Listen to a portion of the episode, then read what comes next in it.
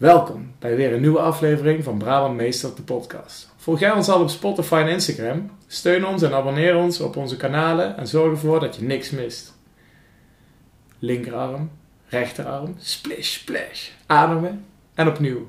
Linkerarm, rechterarm, splish splash, ademen en opnieuw. Linkerarm, rechterarm, splish splash, ademen en opnieuw.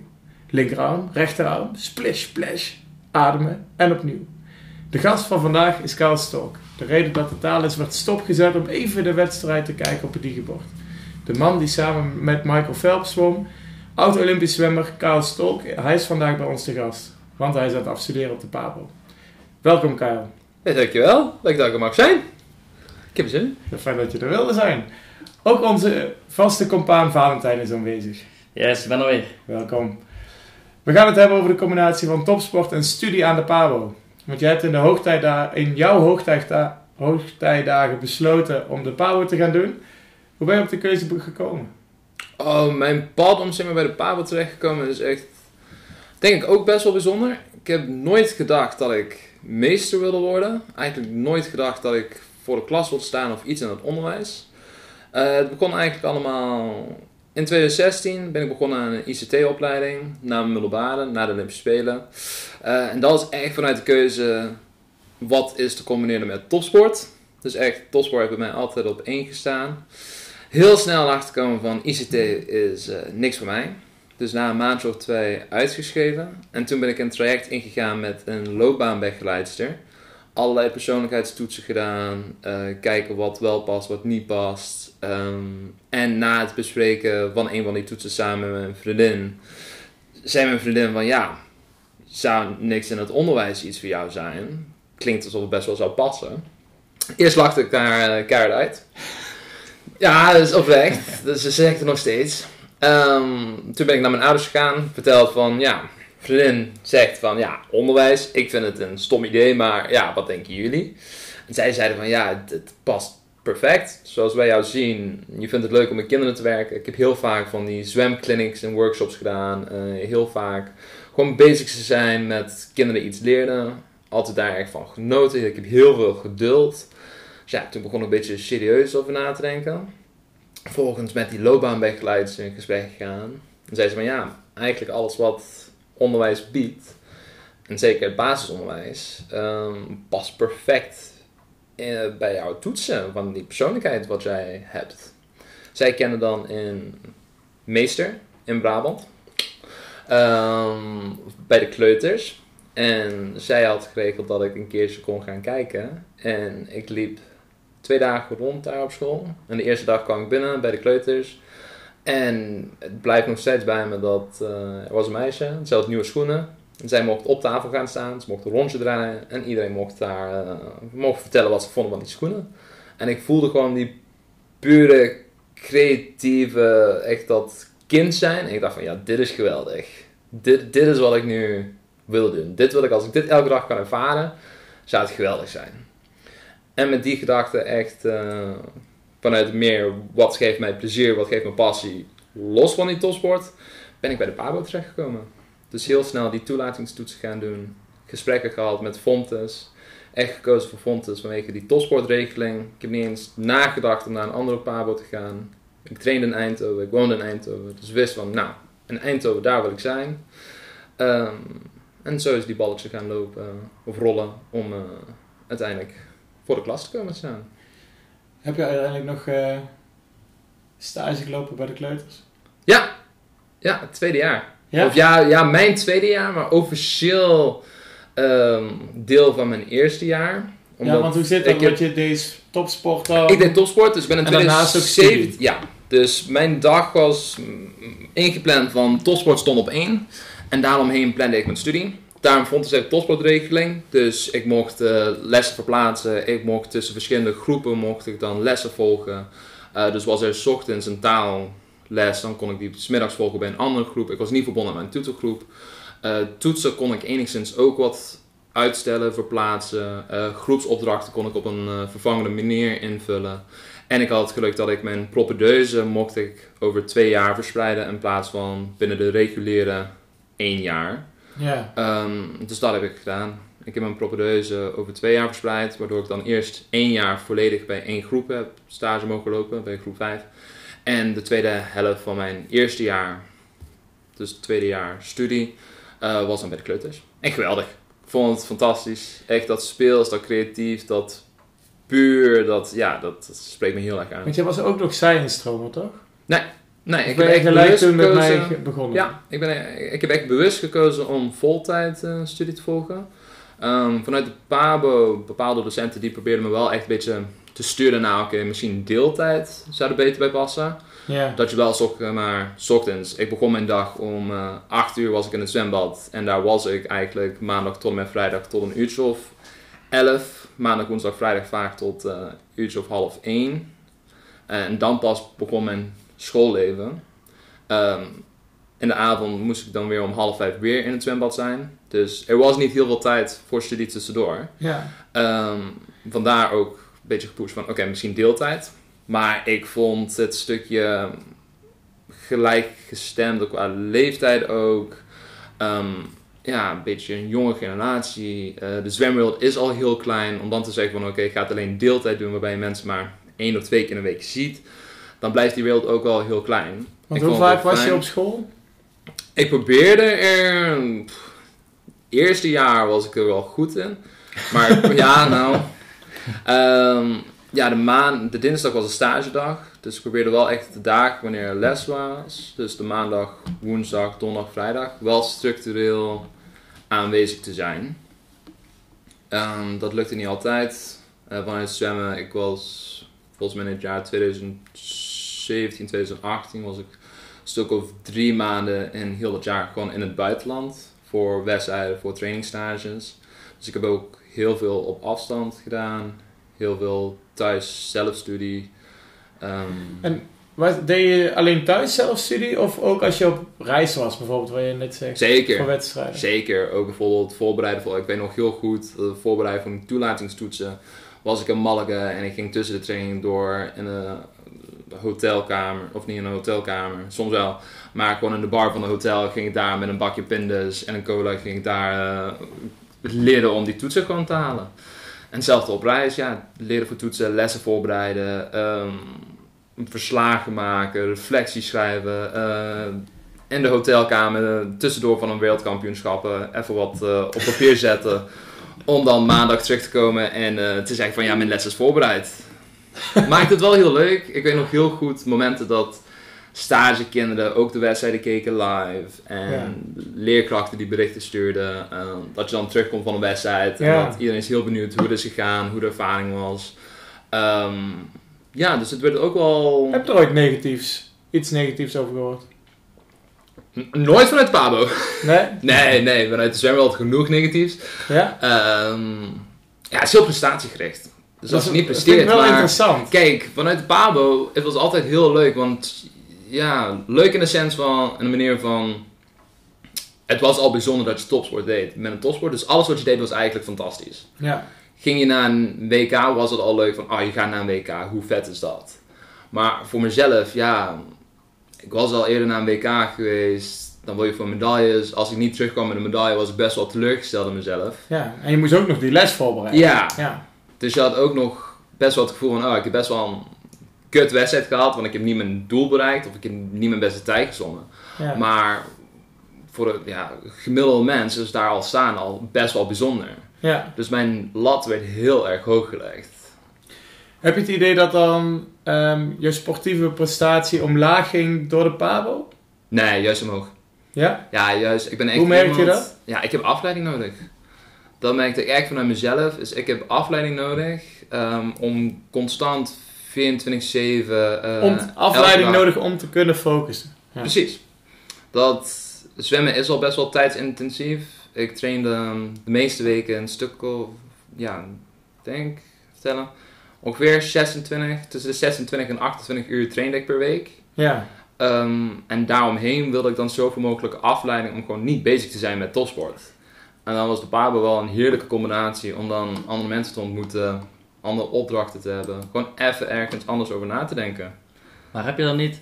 Kijk, de, het zwemmen kost denk ik veel energie. Als je in de Ja. ochtend zwemt en in de, in de avond zwemt. En stel je hebt toch een stagedag erbij. dat kost ook veel energie. Op een andere manier. Op een zwemmen, andere manier. zwemmen was zo'n geleidelijke opbouw. Kijk, ik ben begonnen met wedstrijd zwemmen op mijn zesde.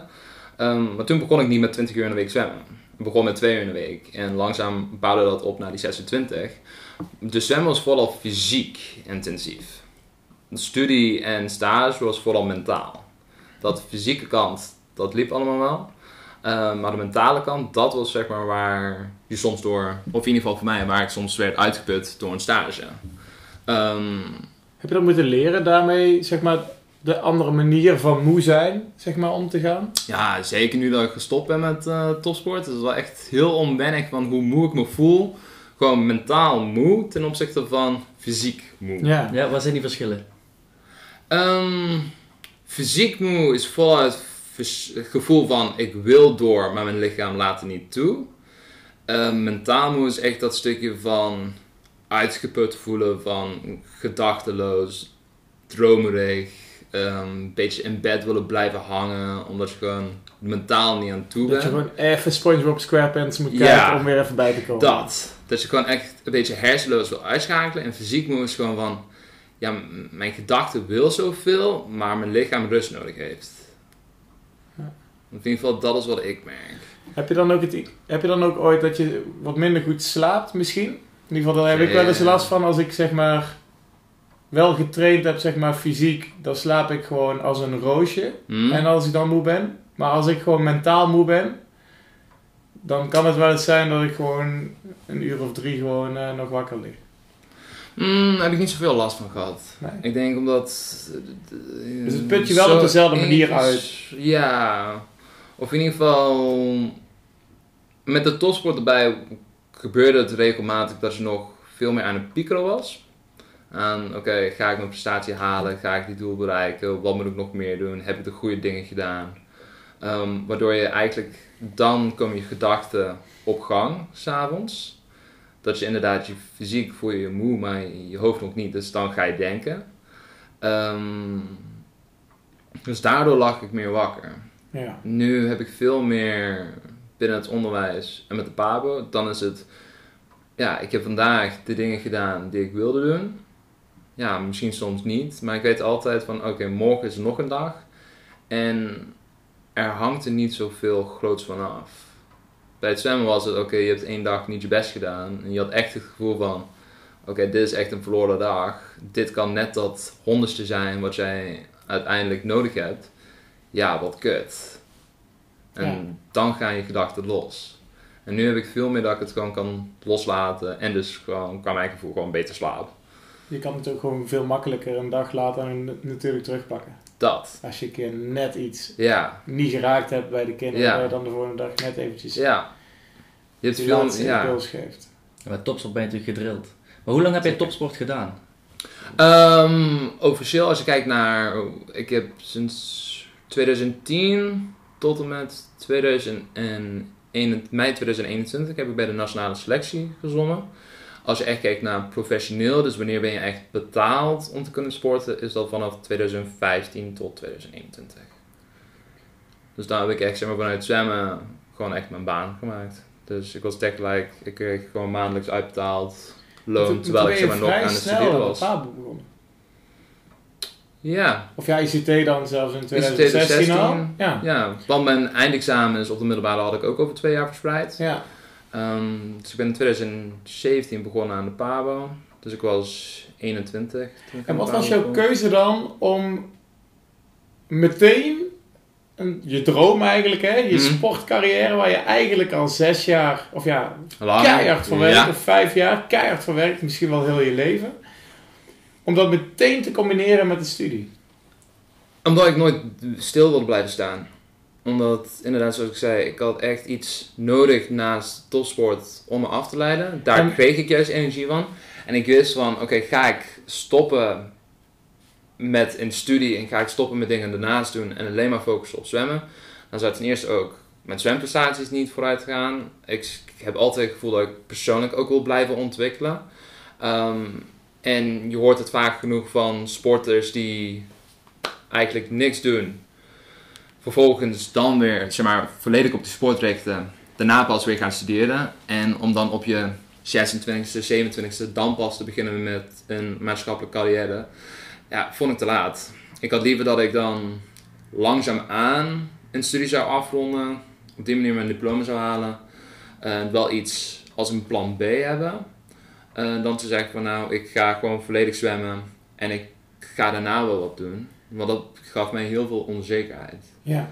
En het idee van oké, stoppen voor een jaartje wellicht en dan weer opstarten, vond ik veel moeilijker dan in die doorlopende lijn gewoon door te gaan naar een, eh, naar een opleiding naar de middelbare. Had jij in je hoofd misschien ook wel van eh, zoiets van: hey, het, het zou zomaar kunnen dat mijn eh, carrière niet lukt en dat ik iets achter de rug wil hebben? Of eh, dat je, ja, dat je Denk wel. ouders iets pushten of iets Nee, dergelijks? nee, mijn ouders hebben nooit gepusht. Dat is echt heel fijn. Mijn ouders hebben eigenlijk altijd alles gedaan voor, voor de kinderen. Nooit gepusht. Ja, want- heeft me echt Maar daar kunnen we wel even snel naar uitwijken, want ik, ik ken het verhaal natuurlijk. Ja. Want jullie woonden in Zuid-Afrika Ja, en jullie zijn voor jouw sport naar Nederland. Ja, gekomen? uiteindelijk wel. Ja. Ja, deels, deels. Grote, grote reden wel. Maar inderdaad, ik ben in Zuid-Afrika geboren. Ik ben op mijn elfde naar Ierland verhuisd. En na 3,5 jaar in Ierland hebben gewoond, zijn we naar Nederland verhuisd. Met eigenlijk de grootste reden dat, eh, om de topsportcarrière achter te gaan. Ja, Dat, mijn vader Mhm. komt uit Nederland. Ik heb Nederlandse eh, nationaliteit. En ik kwam op dat leeftijd van Europees jeugdkampioenschappen, wereldjeugdkampioenschappen.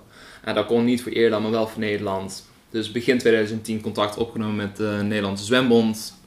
Een keertje heen en weer gevlogen voor wat wedstrijden.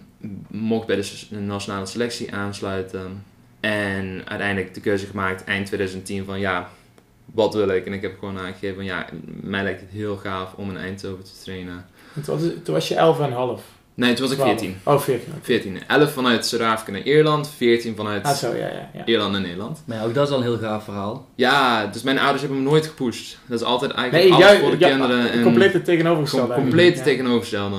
Maar ook dat je dan in drie landen hebt gewoond, daar, Ja. daar leer je ook best wel veel van. Ja, En breng je dat ook terug in de klas? Of doe je daar iets mee? Of heb jij bepaalde dingen daarvan geleerd Ja. dat dat toegevoegde waarde heeft aan jouw leerkracht zijn? Ehm, ik denk onbewust heel veel. Ehm, bewust, als ik terugdenk, ben ik eigenlijk heel veel vergeten. Ik denk dat het ook komt omdat het zoveel indrukken zijn, zoveel veranderingen, zoveel verschillen, dat ja, hersen kon het niet allemaal bijhouden. Ehm, wat ik wel weet van mijn eigen opvoeding in Zuid-Afrika, daar heb ik mijn basisschoolleeftijden gehad, was het voornamelijk dat strikte regime, uniform, christelijke achtergrond. Ehm, als de meester zegt zit, dan zit je. Allemaal binnenkomen, allemaal een koor. Goedemorgen meneer, goedemorgen mevrouw. Dan pas zitten, vinger opsteken, nooit terugpraten, nooit durven terugpraten. Hoe heb je zoiets ervaren, zeg maar, die stijl van lesgeven? Toen ik erin zat, vond ik het vervelend. Achteraf besef ik van dat is echt een manier van heel veel respect hebben naar de leerkracht. Maar nu dat ik ouder ben, vraag ik me af: was het respect krijgen of respect afdwingen? afdwingen? Want het was wel onnatuurlijk, zullen we te zeggen. Mhm. En het was niet vanuit van: oké, ik respecteer omdat je iets biedt wat goed is, maar meer van: oh, dat zijn de regels en we houden bij de regels en ik wil echt niet dat je mijn ouders gaat bellen. Ja. Want dan. Gewoon bang om straf te krijgen. ja, daar, daar werd streng opgetreden. Ja. Nou, ik denk dat je daar wel iets van meeneemt. Zeg maar dat respect afdwingen, dat dat in jouw leerkrachtstijl die van nooit terug zal komen. Nee, ik probeer echt, dat, dat vind ik ook heel moeilijk. Omdat ik, ik wil niet streng zijn. Dat is het. Ik wil gewoon meer een meester zijn die eerder als een coach gezien wordt, die de kinderen helpt begeleiden. Ehm, op die manier dan echt te zeggen van, dit mag jij niet doen. Wie, wie ben ik om de te beslissen? sportachtergrond Ja, dan. ja. Ja. Ja, Heb je misschien een coach gewoon zelf gehad waar jij van denkt van, oh dit, dit is echt wel iemand die ik ook wel wil zijn voor, voor jouw klas dan? Nou, wat ik denk een van mijn grootste voorbeelden is al eh, mijn coach in Ierland geweest, eh, Dave Malone. Ehm, hij is echt degene die in mij begon te geloven, aan mij vroeg wat wil je, hoe wil je dit doen. Ehm, en dat echt ging faciliteren. Die En hoe, samen hoe neem je dat terug dan in je klas? Vraag je ook aan de kinderen van, hey, wat wil je en wat wil je doen? Geef, Ja. Ze die ruimte en die... Ja, als ik zeg maar, dat vind ik wel heel lastig nu, want je, ja, ik zit niet altijd in een klas bij een stichting met een visie die helemaal bij aansluit. Dat vind ik wel heel interessant om nu te ontdekken wat past nog helemaal bij mij. Ja. Maar mijn visie op het onderwijs is echt dat autonoom leren, vragen aan kinderen wat ze het willen, hoe ze het willen doen en samen die doelen bereiken. En is dan een school die een beetje neigt naar het Jena-planachtige, iets wat bij jou past, of eh, het traditionele? Zou, nee, zeker niet het traditionele. Ehm, ik heb nooit op een Jenaplan-school gestaan. Dus ik heb nog een beetje die twijfels bij combigroepen.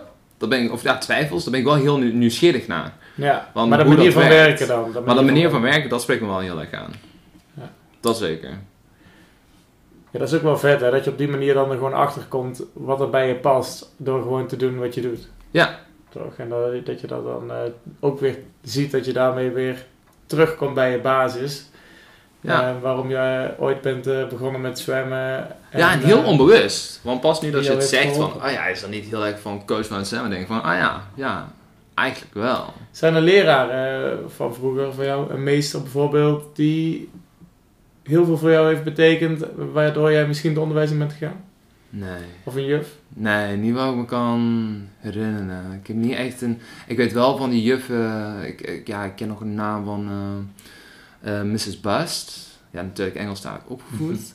Hoe heet die? Ehm, Bust? Bust. Dus ook gewoon busted, gewoon Ja, mevrouw zo gepakt. Nee, ja, ja, maar op zijn Engels Bust. Ja, Mrs. Bust. Ehm, maar ja, zij was een van de weinige leerkrachten dat als ik een wedstrijd had gehad, dat ze echt interesse toonde van, ja, hoe ging het? Hoe vond je het? Hoe is... Ja, eh, dat allemaal. Dat kan me nog herinneren. Een beetje iets meer sportieve leerkrachten. Mr. Sargent, w- weet ik nog, van Zuid-Afrika. Mr. Bust. En, En meneer Sergeant. Ja, ja. Sergeant Pepper. Ja, zo van. Maar behalve voor dat, nee, ik ben heel veel leerkrachten ehm, vergeten, zou ik maar zeggen. Dat ik heb niet met, echt... met de nieuwe schoenen, dat is voor jou de... Ja. Ik, ik heb echt geen leerkracht gehad, want dat is eh, mijn voorbeeld geweest. Ik heb ook geen beelden van...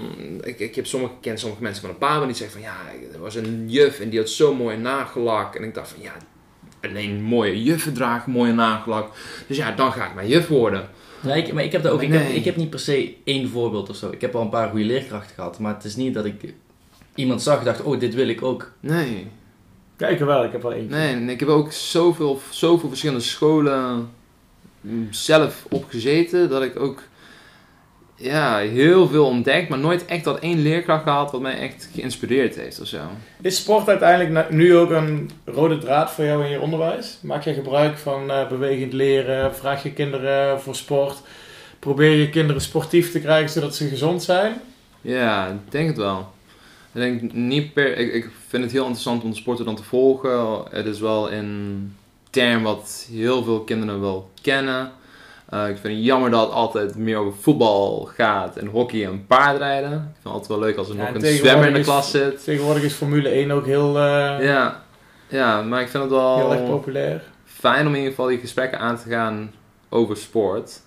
Ehm, dus ja, probeer ook inderdaad de bewegend leren, actief zijn, gezonde voeding.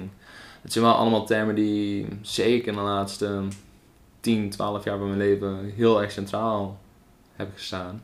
Om dat wel ja, aan te kaarten bij de nieuwe generatie. Ik denk Ja. dat het wel belangrijk is. En hoe doe je dat dan? Geef je dan speciale lessen? Of eh, zorg je ervoor dat, eh, dat je dat gewoon een klein beetje gewoon eh, meegeeft van beide kanten? Of Geleidelijk. Gelijk? Gewoon een klein beetje meegeven van beide kanten. Ehm, ik ben niet van dat, oké, we gaan nu gericht op één onderdeel werken, maar ja, een beetje gesprek aangaan.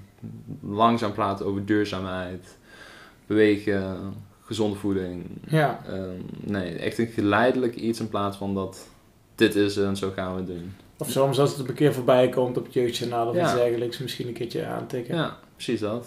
Ja. Heel fijn als inderdaad als er sportwedstrijden zijn, als eh Olympische Spelen zijn geweest. Ehm, ja, probeer dat een beetje eh, te volgen en terug te brengen in de klas. Ja, Een beetje inderdaad kinderen te inspireren. Ja. Ik bedoel, ik, ik ben ook ooit een kind geweest die ooit van droomde. En op een gegeven moment gaat een droom naar een passie, naar een doel. En ja, probeer zoveel mogelijk eh, eraan op te bouwen. Ja, bij mij is het gelukt. Dus ik denk van ja, het kan ook bij Jansje, Pietje, Tess, eh, maakt niet uit wie, kan ook gebeuren. Heb je nu iemand in de klas eh, waarvan je denkt van... Hé, hey, dat kan nog wel eens een topsporter worden? Nog niet. Nee? Nee, nee, nog niet zo opgevallen. Ehm, ja, ik werk nu twee dagen in de week bij een groep 2-3. Oh ja. Ik ben net bij begonnen, dus ik heb ze ook maar twee dagen gezien. Ze zijn nog wel jong. En het zijn ook echt, dat is net, net te jong om te zeggen van oké, dit gaat het worden. Ehm, Ik wel. Je hebt wel wat kinderen die zeg maar echt dromen over. Dat vind Ja. ik wel heel mooi, om die gesprekken aan te gaan. Van oké, ja, wat wil je laten worden? En iemand zegt van, ik wil profvoetballen. Of eentje die zegt van ja, eh, hockey, tennis. Ja, ik heb ehm, nou een meisje in de klas en die eh tennist... eh, volgens mij vier dagen, drie of vier dagen in de week, s ochtends tot tien uur. En die komt daarna gewoon de les in. Ja, ja, heel vet. Ja. Ik vind het wel vet om mee te maken, gewoon om Ja. te zien. Want ja, ik ben zelf ook een groot sportfan. En als je dan ziet hoeveel toewijding iemand erin stopt. Want ze komt om tien uur op school. Maar uiteindelijk is al, eh, staat ze al om zeven uur op die tennisbaan. Ja. Gewoon keihard te trainen. Ja, ik denk dat is misschien een beetje terug naar jouw vraag van ja, word je dan niet moe zeg maar tussendoor? Op een gegeven moment weet je niet niks anders. Op een Maar jij wel je- goed, hè? Ja, Jij, want ik kan me wel echt veel. Ja, ik kan me echt herinneren dat ik, dat ik de eerste keer volgens mij dat ik jou zag, dat was in de, in de kantine en dan stond, jou, stond jouw stoel zo los van de tafel. En eh, volgens mij had je een Eastpack, helemaal vol met druiven, bananen, en st- wordt het, Ja. eh, repen chocolade. Ik zag jou vreten, ik dacht, was er met die gast aan de Nou ja, maar dat, dat is oprecht. En toen vertelde ze inderdaad dat jij, Ja. dat jij topsport deed. Toen dacht ik, ah, kijk. Ja, ik kon echt makkelijk, ik denk in anderhalf, twee dagen gewoon door een hele brood heen. Ja. Dat is echt, ja, gewoon een beetje standaard. Ik stond ochtends op, ik wist van ik ga om 7 uur, uur de deur uit. Ehm, na de training wil je iets eten. Ehm, tijdens een beetje lunch, dan ging ik zeg maar, na de training gelijk door naar een stage of naar de Pabo of ehm, waar dan ook. Ja, je nam eten mee voor onderweg. Je wilde ook nog wat eten voor de training 's middags. Ehm, dus ik heb echt dagen gehad waarbij ik om 7 uur 's ochtends de deur uitging en pas half acht s'avonds thuis kwam. Ja. Ja, dan nam ik voor de zekerheid gewoon eh, in ieder geval een- bijna een hele brood mee. wat druiven, wat eh, appels, wat bananen, wat crackers. En ik denk, mijn, mijn schooltas was voornamelijk vol met eten in plaats van boeken. ja. Eten en een laptopje. Ja, ook niet eens. Soms gewoon een schrift mee en hopen dat, dus, hopen dat iemand anders zeg maar, de aantekeningen doorstuurt. Dat is ook vaak genoeg gebeurd. De goede student zeg. Ja, Ja, maar het wel gewoon halen. Ja. Hoe komt het dan dat het eh, wel een succesverhaal is geworden? Wat, is, eh, wat heeft erbij... Oeh, maar dat vind ik wel een moeilijke uitspraak, want succes is dan ook wel heel relatief. Als je mij vraagt van ja, is mijn topsportcarrière nu succesvol geweest? Ja, dat is nog zo vers dat ik denk van ja, eigenlijk niet. Mhm. Kijk, ik heb echt de laatste jaren echt gewerkt naar een droom van oké, meedoen aan mijn tweede Olympische Spelen, finale halen, medaille halen. Ehm, dat is niet gelukt. En eh, mogen we Maar- vragen op eh, hoeveel tiendes dat dan was? Nou, een beetje lastig verhaal. Ehm, uiteindelijk als je kijkt naar de tijd, wat ik ooit als beste tijd heb Mhm. staan op de 100 meter vrije slag. Ten opzichte van wat de limiet was, wat ik drie maanden later had moeten halen. Ja. Binnen die tijdperiode gaat het om 1 honderdste. 100. 1 honderdste. Shit. De limiet was 48,52 voor de Olympische Spelen van Tokio. Ik zwom in april 2019 48,53. Dat is 1 honderdste erboven. En als ik eh, tijdens de WK in augustus 2019 48,52 had gezwommen, dus 1 honderdste harder, had ik dan me geplaatst voor de Olympische Spelen van 2020, uiteindelijk 2021 in Tokio. Maar dat is echt, dat is echt dit toch? Nee, wel veel meer, veel korter. Mm, Niet eens. Dat, dat, dat kun je bijna niet eens uitbeelden. Maar kun je dat trainen? Of is dat geluk? Is dat omstandigheden? Is dat hoogte? Is Alles. dat waterweerstand? Alles, dat Eh, is goed slapen op de dag. Dat Ja. is net die slag extra raak hebben. Dat is net dat 1 gram lichter zijn. Ja, het zit aan zoveel dingen toegewijd. Dat er is niet aan één ding te zeggen van ja, daar ligt het aan. Ik weet wel, zeg maar in de periode augustus 2019 was mentaal gewoon niet helemaal in de headspace om dat te Ja. halen. Daar is het uiteindelijk ook een beetje op misgelopen. Ehm, maar dat zorgt er wel voor dat als je mij vraagt van oké, de laatste jaren van mijn topsportcarrière zijn niet heel succesvol geweest. mhm. Terwijl ik wel een wereldrecord heb gehaald. ehm, Maar heb jij een wereldrecord gehaald? Ja, 4 keer 50. Ja, hoor, de eerste keer echt een wereldrecord gehad. Ja. Ja, 4 keer 50, vrije slag. Hij heeft met Michael Phelps gezwommen. dat weet ik wel. Michael Phelps is natuurlijk wel de man. Dat is alsof je met Usain Bolt gaat rennen of zo. Ja, daar heb ik mee gezwommen. Daar heb ik tegen gezwommen in, eh, ja, in de finale van Rio in 2016, de 4 keer 200 meter vrije slag estafette. Maar die wereldrecord eh, Kopenhagen 2017 op de 4 keer 50 mixed vrije slag estafette. Samen dan nou, Ja, met als- het team dan. Ja, het team. Ja, ja maar Dus, nog steeds. eh, Kijk, voor de mensen thuis, die horen het allemaal. Maar ik zit dus tegenover die, die man, hè. Ja. Het hangt heel mooi thuis. Ik heb echt een oorkonde door, zeg maar, gewoon eh FINA, dus de Wereldorganisatie van het Zwemmen. Een ingelijst eh, wereldrecord. Helaas staat hij niet meer. De Amerikanen hebben hem verbroken in 2018. Maar voor een jaartje was het echt de snelste van de wereld. En dat is heel leuk. Mijn moeder heeft altijd tegen mij gezegd, van als je ooit een wereldrecord zwemt, dan hoef je nooit meer naar school. Had ze zeg maar gezegd toen ik acht was. En dat heb ik altijd onthouden. En En eigenlijk een van de eerste dingen die ik tegen haar zei toen ik zeg maar die wereldrecord had verbroken samen met het team, was van ja, toch niet ik waar. hoef niet meer naar school, toch? maar toen was ik al begonnen aan de Pabo en ik vond het leuk en toch een beetje blijven hangen. Maar jij vertelde net van dat, het, dat je eh, wat lastige jaren had hè, in 2018, 2019. Maakte, maakte dat de overstap naar, de, naar volledig gaan voor de Pabo makkelijker? Ja, omdat ik zeg maar echt dat ja, backup plan, zo maar te zeggen, kort door de bocht. Doordat ik ergens anders mijn energie kwijt kan. Ja. Doordat ik dat ook leuk vond, kon ik veel makkelijker en sneller afstand nemen van de zwemsport. En zeggen van, yo, het zwemmen is er nu niet meer, vind ik niet meer leuk, ik heb daar de pas niet meer voor. Maar ik heb ergens anders waar ik heel veel voldoening uit haal. Ja, daar ga ik nu voor. Wat zeiden ze toen? Wat, hoe bedoel je met zij? Ja, je Gewoon- vertelde, de zwemwereld. Je vertelde net dat er best wel wat tegenstand was. Hoe was dat toen? Zeiden ze van eh, veel succes en eh, bedankt voor alles? Of zeiden ze van, ah, je bent eh, echt storm, de hoogtepunt van je carrière, je bent nog zo jong? Of, eh, Nee, eigenlijk niet. Nee, het is eigenlijk echt best wel geweest van ja, jammer en eh, succes met de volgende ding. Ja. Dat is echt, nee, naar mijn mening ook geen goede afscheid van geweest. Oké, Dat is echt zo van geleidelijk eh, uitgegaan. ja. Het is ook een beetje een lopende zaak. Ik ben heel ontevreden met hoe bepaalde dingen zijn gegaan binnen de zwembond. Dus Ja. daar ben ik nu ook al mee bezig om daar hopelijk verandering in te brengen. Wat voor verandering wil je dan? Ehm, mentale ondersteuning. Ik denk dat is het belangrijkste. Ik denk die mentale ondersteuning die is er nu niet bij de zwembond. Ja. En dat moet echt wel komen. Ehm, je praat zoveel over inderdaad in honderdste een medaille niet halen, een honderdste een limiet niet halen. En honderdste is echt eh, ja, het verschil wat bij de topsport hoort. Ehm, maar momenteel bij de zwembond is daar gewoon geen ondersteuning voor als je ergens tegenaan loopt. Dus je hebt het over resultaat in plaats van over de persoon zelf. Ja. Maar daar heb je in het onderwijs ook regelmatig. Dat alles draait om de Vind ik heel jammer. resultaten Ja. In plaats van om de Ja. persoon Ja. zelf. Ja, past ook in mijn beeld zeg maar, van het ideale onderwijs. Is er ook geen resultaatgericht onderwijs. Het is alleen maar over het proces, alleen maar over hoe het kind zich ontwikkelt, hoe hij zichzelf voelt. En echt eh, ja, dat gesprek aangaan. Echt alle dingen wat ik miste in mijn topsport probeer ik nu wel een beetje terug te winnen in het onderwijs. En probeer je dat mentale dan ook dadelijk ehm, een beetje aan te boren van, eh, met de overstap naar iets anders? Of, eh, Ah, nog niet voor ogen. Nee. Nee, ik vind het nu heel leuk zeg maar, om nu gewoon geleidelijk stap in te maken. Ja. daarvan te genieten. Maar ik heb nog geen grote doel voor ogen van daar wil ik uiteindelijk naartoe. Zie je hun nog ooit? De zwemmers? Hun is de zwemmers. Luisteraars. Sommige. Nee, ehm, sommige heb ik nog steeds heel veel contact mee. Eh, bij heel veel besef ik nu van oké, ja, het zijn gewoon oude collega's. Ja. Ehm, anderhalf jaar niet meer gesproken, anderhalf jaar niet meer gezien. Ehm, ja, dat is goed zo.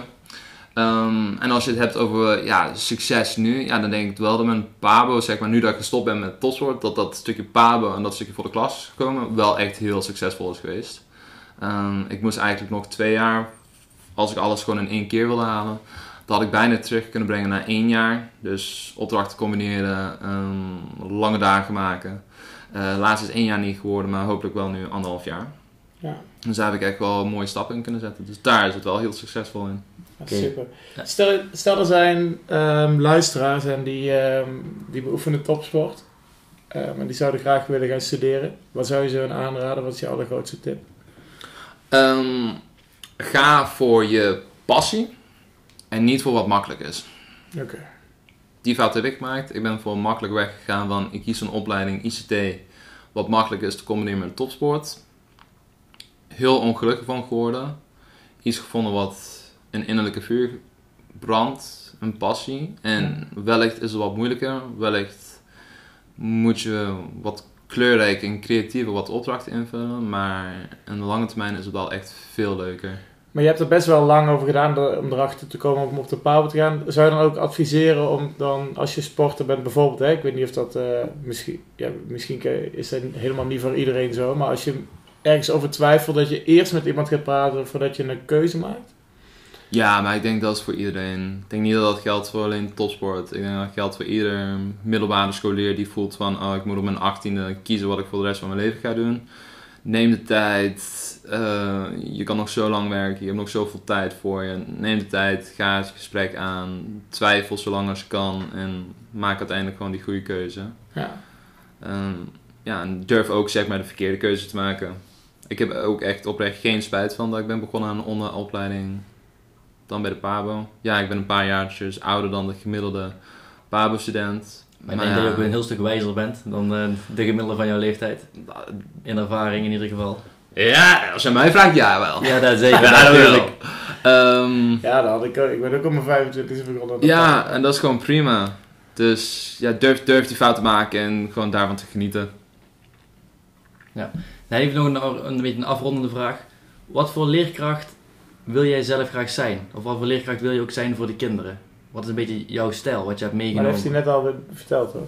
Ik denk kort door de bocht, Ja. een beetje een rustige, luisterende leerkracht die echt het gesprek aangaat van wat wil het kind, wat denkt het kind zelf nodig te hebben en daar een middenweg in te zoeken van wat nodig is en wat het kind zelf wil. Echt dat autonoom leren. Het is ook dat jij vaak de coachende rol Zeker. op je neemt. dat vond ik wel. Klinkt wel goed. Dan zijn eigenlijk aangekomen bij eh, de anekdote van de dag. Oeh, die was wel heel Dat is heel hard. Ik denk dat iedereen nou ongelooflijke oorpijn heeft. Iedereen sluit, iedereen sluit de podcast af voor de anekdote. Dat was die anekdote niet Nee, dit is de anekdote van de dag. Ja, ik wou Oh, anekdote van de dag. Anekdote van de dag. Anekdote. Ik zit hier met oortjes in. Die knallen door de oortjes heen. Oh. Ik vind het lastig om het zeg maar in één keer op te, op te vatten. Ik denk echt dat ik kijk naar mijn geschiedenis, is het echt van dat stukje ga je passie achteraan, durf die fouten te maken. Maar heb je een En- leuke fout of zo? Weet je wel? Dat je een keer iets Fout. fout hebt gedaan. Of in ja, jouw zwemcarrière, dat mag ook. ja, dat mag ook. Dat je bijvoorbeeld een laantje wisselt midden in je slag. Oh nee, Dat- best dat- dat anekdote. Sven Kramer ging Nee, schaatsen, jij oh, toen eh, nee. twee keer binnen ging. Echt, de grootste anekdote voor het zwemmen is altijd een knoopje maken in je zwembroek. Dat is vaak genoeg Was hij was, gebeurd. was hij van je enkels af? Nee, dat niet, maar vaak genoeg gezien bij anderen, dat je zeg maar, zeker als man zijnde, dan vergeet je zeg maar, kijk, een wedstrijd is wat anders als, een wedstrijd is wat anders als een training, maar vaak genoeg gehad in de training, gelukkig niet zo vaak bij mezelf, maar echt wel genoeg blote billen gezien in het zwembad van mannen die vergeten waren hun zwembroek te knopen, erin duiken en foef, weg. Oh, fantastisch. Ja. Nou ja, dat was wel eh, gewoon Heerlijk. een anekdote die we graag horen. toch? Ja, anekdote, waar we Ja, echt om moesten lachen. Ja, dit was echt een goede anekdote. Nou Karel, onwijs bedankt dat jij hier was. Dat jij Ja, te ik wel. gast was voor ons. Ik vond het een heel interessant gesprek. Stef, zeg het eens. Ja, ik ook. Ja, ik wilde hem eigenlijk afsluiten voor jij het doen. Nee, mag jij, jij, jij bent de host. Stef, ik geef hem aan jou. Ja, nou ja, we- ja, maar jij bent daar begonnen. Dus ik maak hem af. Hier, lees maar voor. Oh. Dat staat het. Wij kunnen er eindeloos over doorpraten. Leuk jullie over dit onderwerp gesproken te hebben. We hopen je een goed inzicht te hebben gegeven over stages, mentoren op de Pabo. Ja, dat, dat, wacht, is de voor... Oh, dat heb ik helemaal niet aangepast. Eh, we hopen je een goed Ja, inzicht Nou, dankjewel allemaal voor het luisteren. Over sport natuurlijk. Over, over hoe, je, Topsport. hoe je begint aan de Pabo als je een topsportcarrière beoefent. Volg ons op Spotify, Instagram via Brabant Meester. Heb je een goede vraag of onderwerp voor de podcast? Laat ons dit dan weten. Ook kun je, kun je ons een berichtje sturen voor meer informatie. Ook als je een dag wilt zien hoe het is om voor de klas te staan, kun je ons een bericht sturen. En dan kijken we samen hoe we jou kunnen helpen. En dat kan dus ook met Kaal. Dus als je bij Kaal voor de klas wil, dan kan dat waarschijnlijk gewoon. Maar stuur Ja. ons dan even een berichtje. Maar ook met vragen voor Ja, als je wil beginnen en als je wil beginnen in het onderwijs of als je een studie wilt gaan doen en je, en je beoefent op dit moment topsport, dus Max Verstappen, je mag ons altijd mailen. Maar Zij en stroom. precies, zij in stroom, geen probleem. Maar eh, we zijn er voor je. Stuur even een berichtje. En zeker En- dat...